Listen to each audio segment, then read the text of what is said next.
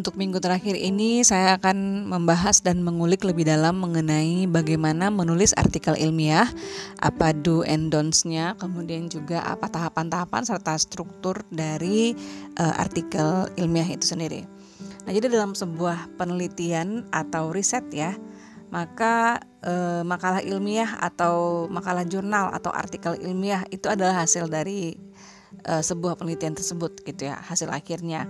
Jadi bisa saja orang telah melakukan riset dan memiliki banyak data, tetapi belum tentu mereka ini bisa menulis makalah ilmiah yang bagus. Nah, jadi banyak orang yang tidak bisa mempublikasikan hasil penelitiannya di jurnal publikasi gitu ya bukan karena mereka itu tidak memiliki data riset, tapi lebih ke tidak bisa atau tidak biasa menulis makalah ilmiah sehingga untuk memproduksi sebuah tulisan yang bagus pun mereka kesulitan. Oleh karena itu, kali ini kita membahas mengenai bagian-bagian dari makalah ilmiah dan bagaimana menuliskannya. Untuk eh, bagian yang pertama adalah penjelasan umum mengenai karya tulis ilmiah. Nah, jadi dalam penyusunan sebuah karya tulis ilmiah atau artikel ilmiah itu ada tiga langkah. Yang pertama adalah tahapan persiapan atau pra penulisan. Yang kedua adalah tahapan penulisan dan yang ketiga adalah tahapan penyuntingan atau revisi. Nah, kegiatan yang dilakukan pada tahapan persiapan adalah yang pertama penentuan topik, kemudian e, pembatasan topik atau perumusan masalah, dan yang ketiga adalah pembuatan daftar judul, kemudian juga adalah penentuan tujuan, lanjut lagi dengan penentuan bahan dan pembuatan kerangka karangan yang terakhir. Tahapan yang pertama ini pada prinsipnya merupakan tahapan penentuan tema dan topik yang dipilih ya, yang mana nanti akan membatasi dan mengarahkan tulisan yang akan dibuat. Maka tema dan topik dapat diperoleh dari berbagai sumber, bisa dari pengamatan, dari pengalaman atau penalaran atau logika gitu. Jadi e, contohnya untuk masalah pengamatan begitu ya dengan mengamati kondisi saat sekarang yang sedang dialami yang sedang dilihat gitu ya. Maka bisa jadi topik yang didapatkan adalah yang sangat cocok dengan isu saat ini ya tentu saja masih masalah pandemi. Itu apakah cocok dengan uh, bidang ilmu yang diminati atau didalami. Nah, jadi walaupun misalkan dalam uh, bidang ilmu sastra tetap saja bisa menggunakan uh, tema pandemi ya dalam penelitiannya. Kemudian dalam tahapan penulisan maka penulis harus sudah dapat menuangkan hasil pencarian, kemudian hasil penyelidikan atau juga hasil perenungan mengenai topik yang sudah ditentukan, serta memaparkan hasil tersebut dengan mengikuti kerangka karangan yang sudah disusun. Nah, jadi pemberian judul juga dapat ditetapkan di tahapan ini. Maka tahapan penyuntingan atau revisi adalah tahapan terakhir yang dapat dilakukan sendiri atau dengan cara self editing atau juga dengan bantuan orang lain yang sifatnya profesional bagi tiga bagian tersebut, maka yang pertama itu adalah bagian judul. Yang kedua adalah bagian penulis yang bisa saja berisikan satu orang atau lebih. Kemudian afiliasi artinya hubungan atau institusi yang menaungi si penulis. Yang keempat adalah bagian abstrak, kemudian yang bagian kelima adalah pendahuluan, bagian yang keenam adalah data dan metode, bagian ketujuh adalah hasil penelitian, Bagian ke-8 adalah pembahasan, berikutnya adalah kesimpulan, ada lagi ucapan terima kasih dan yang terakhir adalah referensi. Nah, ini merupakan uh, struktur makalah ilmiah atau jurnal publikasi. Uh, bukan ke yang makalah ya, sorry, tapi lebih ke yang jurnal publikasi. Artinya untuk yang uh, tidak memiliki cover, yang tidak memiliki judul bab dan yang uh, tidak memiliki uh, apa namanya subjudul gitu. Sebenarnya kata tidak ada penomoran dalam e, bab dan subbabnya. Nah, juga ada perbedaan serta variasi pada jurnal, pada isi jurnal atau makalah atau istilah yang digunakan. Begitupun dengan e, istilah yang diketahui dan digunakan oleh khalayak. Variasi tersebut di antaranya adalah penggunaan latar belakang di bagian pendahuluan, yang mana ada yang menyisipkan latar belakang, ada yang tidak. Nah, kalau kita amati ya, uh, untuk struktur makalah ilmiah secara umum itu terdiri dari uh, banyak bagian sebenarnya. Walaupun untuk bagian apa ya istilahnya ya? Uh, bagiannya secara garis besar itu kan adalah bagian pendahuluan, bagian isi dan bagian penutup. Untuk yang berikutnya kita akan membahas satu persatu mengenai struktur dari artikel ilmiah ini. Maka bagian yang pertama adalah judul atau title. Nah, judul merupakan bagian penting pada sebuah karya tulis ilmiah yang mana biasanya orang-orang menentukan sebuah karya tulis yang mereka temukan apakah itu akan memberikan manfaat atau juga merupakan sumber yang mereka carikah gitu ya. Nah, pertama kali mereka akan e, menemukan hal tersebut melalui judul. Jadi e, biasanya orang baru akan membaca bagian lain dari makalah setelah mereka tertarik pada judul apalagi jika judul tersebut memperlihatkan keterkaitan dengan riset yang sedang dikerjakan atau yang sedang dipelajari. Maka setelah memutuskan bahwa judul tersebut memiliki poin yang dibutuhkan, barulah pembaca biasanya akan beranjak ke membaca abstrak. Jadi e, judul sendiri adalah bentuk yang paling ringkas, seringkas-ringkasnya, sependek-pendeknya, se apalagi seinti-intinya lah dari sebuah makalah tetapi tetap informatif untuk memberikan gambaran kepada pembaca tentang apa yang di apa ya yang dibahas di situ. Jadi karena merupakan ringkasan dari makalah, maka judul biasanya ditulis terakhir. Uh, judul biasanya akan mengikuti tidak tidak semuanya ya, tapi sebaiknya dan kebanyakan orang memang menuliskan judul itu terakhir, terakhir kali. Uh, bahwa nanti judul akan mengikuti hasil akhir dari penulisan si artikel ilmiah tersebut gitu. Jadi walaupun judul menempati posisi paling awal suatu makalah, maka sangat dianjurkan untuk menulis judul terakhir kali setelah semua bagian makalah selesai ditulis dan direnungkan bahwa apa kemudian yang dapat menjadi judul terbaik yang bisa mempresentasikan isi dari makalah tersebut. Nah, balik lagi untuk masalah penjudulan ini kembali ke masing-masing orang sih sebenarnya ya. Jadi untuk sumber yang saya dapatkan ini memang e, menekankan bahwa judul sebaiknya di di apa namanya ditentukan di akhir. Karena memang e, judul biasanya bisa muncul setelah sudah mendapatkan conclusion atau kesimpulan dari atau inti dari si e, artikel ilmiah tersebut. Itu akan lebih gampang nanti untuk menentukan judul. Makanya kadang kadang-kadang ya ada yang suka ketika skripsi atau bimbingan skripsi begitu suka ada perubahan judul dan lain-lain itu karena mungkin memang sudah menentukan judul itu dari awal. Sehingga kemudian e, pada saat proses penulisan banyak perubahan yang membuat judulnya pun ikut berubah. Apakah memang judul tersebut yang ditemukan tersebut itu sudah sebuah judul yang bagus gitu ya? Atau penggunaan istilah untuk bagian kesimpulan yaitu summary atau conclusion gitu. Nah, ada yang menggunakan juga istilah referensi, ada pula yang menggunakan daftar pustaka. Nah, jadi perbedaan tersebut tidak menjadi masalah walaupun memang ada jurnal publikasi yang menentukan standar kepenulisan jurnal yang akan diterbitkan agar nanti ketika diterbitkan mereka akan seragam.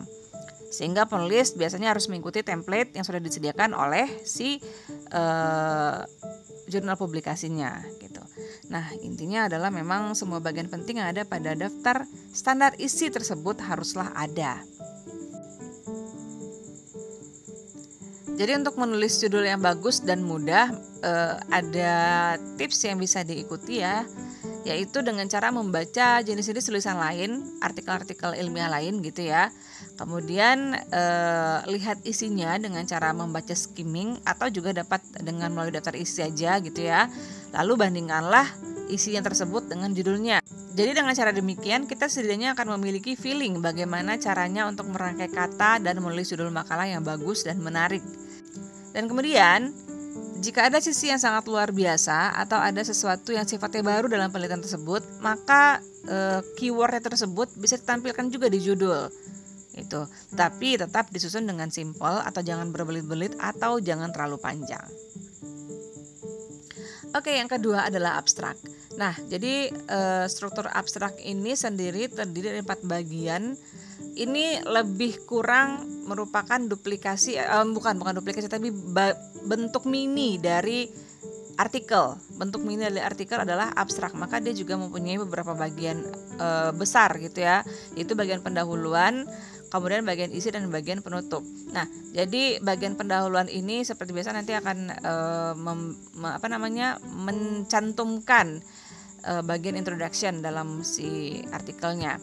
Kemudian yang kedua bagiannya adalah apa yang dilakukan dan apa yang dihasilkan. Yang kedua dan ketiga, apa yang dilakukan dan apa yang dihasilkan itu adalah uh, metode, data, kemudian hasil penelitian dan pembahasannya apa. Itu menjadi uh, isi dari poin B dan poin C. Dan yang keempat adalah bagian penutup yang mana juga nanti ada e, di abstrak ini mencantumkan e, ringkasan dari bagian kesimpulan. Jadi memang struktur abstrak ini sekali lagi sama persis dengan struktur makalah, tetapi dalam bentuk paling ringkas. Gitu. Jadi kalau bisa dibilang the mini me of artikel gitu ya.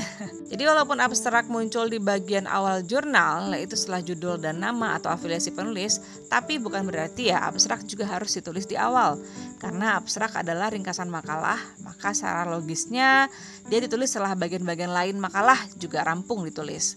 Jadi dengan demikian abstrak ini akan jauh lebih mudah ditulis ya Karena penulis sudah tahu apa isi tulisannya Dan tentu saja Si penulis juga jadi dapat membayangkan seperti apa ringkasan tulisannya sendiri.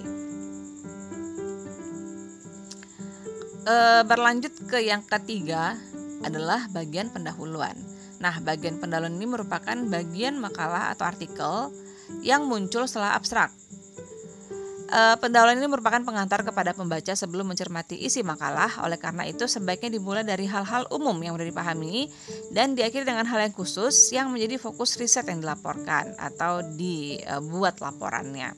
Nah, struktur pendahuluan pada sebuah uh, karya tulis ilmiah ini mengandung lima bagian utama ya.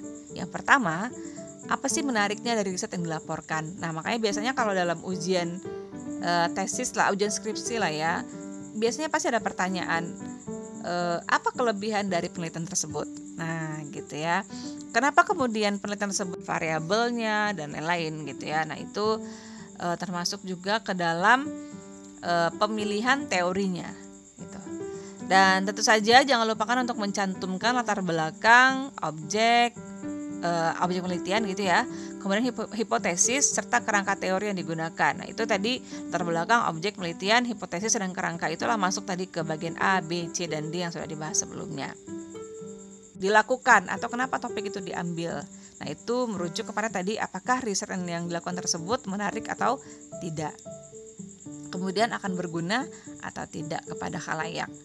Yang kedua, bagian utama dari struktur pendahuluan adalah uh, sampai di manakah pemahaman orang mengenai topik tersebut hingga saat si tulisan tersebut di si artikel tersebut dituliskan gitu ya. Jadi makanya selalu ada yang namanya pembahasan uh, apa namanya tinjauan pustaka. Nah, jadi tinjauan pustaka itu adalah bentuk atau pembuktian bahwa orang sudah mengetahui atau orang sudah uh, ada yang membahas mengenai topik yang sama gitu. Untuk yang ketiga adalah apa saja masalah yang ada ya atau yang masih ada. Jadi berangkat dari uh, tinjauan pustaka tadi atau pemahaman orang mengenai topik yang dipilih gitu ya. Apakah masih ada masalah yang belum dibahas di oleh mereka-mereka itu. Nah, itu kemudian menjadi bagian yang membuat uh, yang membangun si pendahuluan tersebut. Yang keempat e, adalah apa yang dilakukan untuk menyelesaikan masalah tersebut. Maka isinya adalah apa metodenya.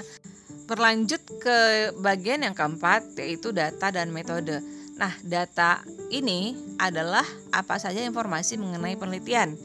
Dimulai dari apa itu jenis atau nama subjek penelitian hingga variabel dari penelitian dilakukan.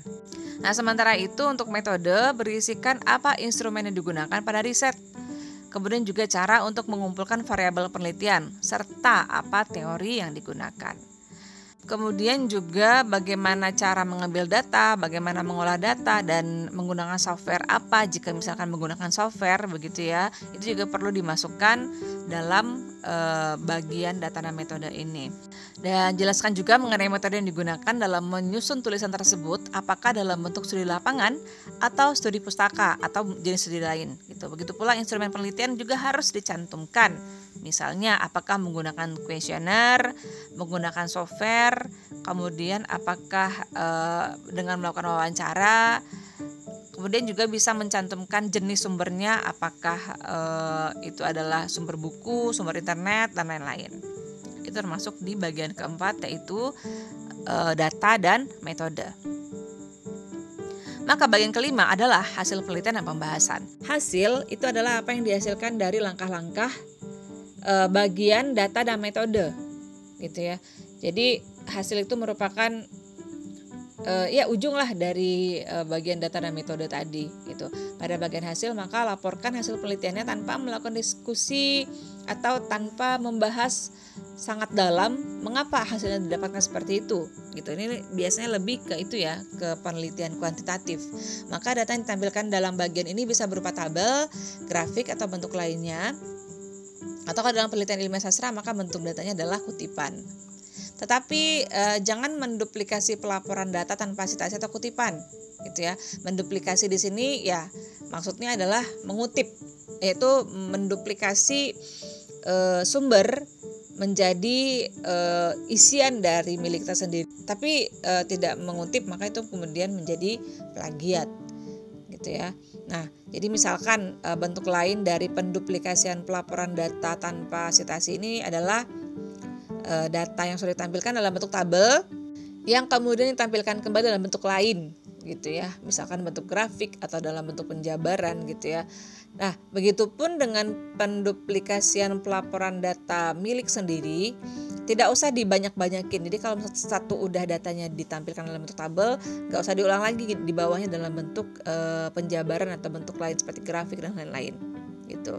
Dan yang paling penting adalah e, buatlah perincian semua variabel yang ditemukan dalam penelitian tersebut Kemudian selama melakukan percobaan atau kegiatan penelitian, tentunya uh, si penulis akan mendapatkan banyak sekali data gitu ya. Tapi tidak semua data tersebut harus ditampilkan. Yang paling penting adalah ya yang penting gitu loh ya. Apa saja data-data yang rasanya paling penting dibandingkan dari data-data penting lainnya. Yang mana si data-data paling penting inilah yang akan membuktikan hipotesis penelitian. Dan data yang ditampilkan dalam bagian ini bisa berupa tabel, bisa berupa grafik, atau dalam bentuk lainnya. Maka inti dari bagian pembahasan adalah dengan memberikan argumen selengkap-lengkapnya untuk meyakinkan membaca bahwa apa yang dihasilkan atau ditemukan itu adalah benar gitu ya. Dan penulis harus menjelaskan mengapa hasilnya demikian dengan memberikan argumen selengkap-lengkapnya, selogis-logisnya. Jadi jangan ngada-ngada gitu, jangan kemudian asal nulis juga. Uh, kemudian juga penjabarannya dengan sejelas-jelasnya. Dan di bagian itu juga kemampuan intelektual penulis eh, apa ya istilahnya itu dikerahkan lah ya untuk dapat mencapai tujuan tersebut. Nah berikutnya adalah bagian kesimpulan. Kesimpulan merupakan pembuktian hipotesis yang dikemukakan di bagian introduction atau jawaban terhadap agenda dikemukakan di bagian akhir introduction. Gitu. Jadi kan di bagian pendahuluan tuh nanti ada hipotesis tadi ya gitu atau kemudian agenda atau tujuan dilaksanakannya penelitian tersebut. Nah, maka kesimpulan akan memuat uh, pembuktian dari hipotesis dan apa yang ditemukan dari uh, tujuan pembuatan si artikel ilmiah tersebut. Si kesimpulan ini ditulis secara ringkas dan memuat informasi yang cukup sehingga pembaca mengetahui bahwa penulis telah membuktikan hipotesis dan e, mengetahui kelebihan serta kekurangan metodenya. Dan intinya, jelaskan secara ringkas di bagian kesimpulan bahwa hipotesis telah terbukti sehingga pembaca dapat memutuskan apakah ingin menggunakan jurnal tersebut sebagai sumber penelitian mereka. Gitu. Dan berikutnya adalah dua terakhir ucapan terima kasih serta referensi. Nah, ucapan terima kasih ini memang adanya di uh, artikel ilmiah jurnal aja ya. Kalau di makalah memang gak ada. Begitupun juga memang sebenarnya uh, pembahasan yang kali ini rujukannya ke artikel jurnal bukan artikel makalah. Maka dalam bagian ucapan terima kasih dicantumkan siapa-siapa saja yang membantu terlaksananya penelitian tersebut hingga selesai. Seperti misalkan praktisi, kemudian juga editor atau pembimbing ya bagi yang uh, menulis disertai dengan uh, bimbingan. Dan terakhir referensi, maka dalam uh, bagian terakhir ini ada ya yang nulisnya referensi dan yang nulisnya daftar pustaka. Nah, penulis harus mendata semua publikasi yang dikutip dan dicantumkan di dalam tulisan baik itu buku, eh, sumber internet atau sumber lainnya gitu. Sifat kutipannya juga harus yang sifatnya langsung, e, artinya mana yang benar-benar dikutip dan ditempelkan, dikopi dan ditempelkan ke tulisannya. Jangan memasukkan makalah atau buku yang pernah dibaca tapi tidak dikutip di dalam tulisan. itu. Jadi kan kadang-kadang ada ya daftar referensinya banyak sampai dua halaman tapi ternyata dalam ketika dicek di dalam tulisannya uh, jumlah sitasi yang digunakan tadi tidak sampai setengahnya. Nah itu ya. Sebenarnya tidak tidak bagus dan tidak disarankan. Bahkan ada yang tidak membolehkan jadi walaupun dalam proses pelaksanaan riset penulis membaca banyak sekali makalah buku, uh, tidak masih semuanya di apa ya dicantumkan di bagian referensi. Karena nanti jatuhnya malah kayak apa ya istilahnya ya uh, cuma sekarang nambah-nambahin aja hanya sekarang memperpanjang daftar saja tanpa ada gunanya. Nah kira-kira seperti itu. Nah ini tadi pembahasan mengenai menulis artikel ilmiah ya. Saya tekankan lagi bahwa pembahasan ini adalah rujukannya ke uh, artikel ilmiah dalam bentuk jurnal artinya yang tidak menggunakan uh, cover yang ada abstraknya serta yang ada afiliasinya, kemudian yang eh, tidak menggunakan judul bab bukan judul bab penomoran pada bab atau subbab. Nah, karena kalau sudah pakai cover kemudian tidak ada abstrak kemudian untuk uh, bab dan subbabnya menggunakan angka atau atau uh, penomoran gitu ya maka itu namanya adalah makalah.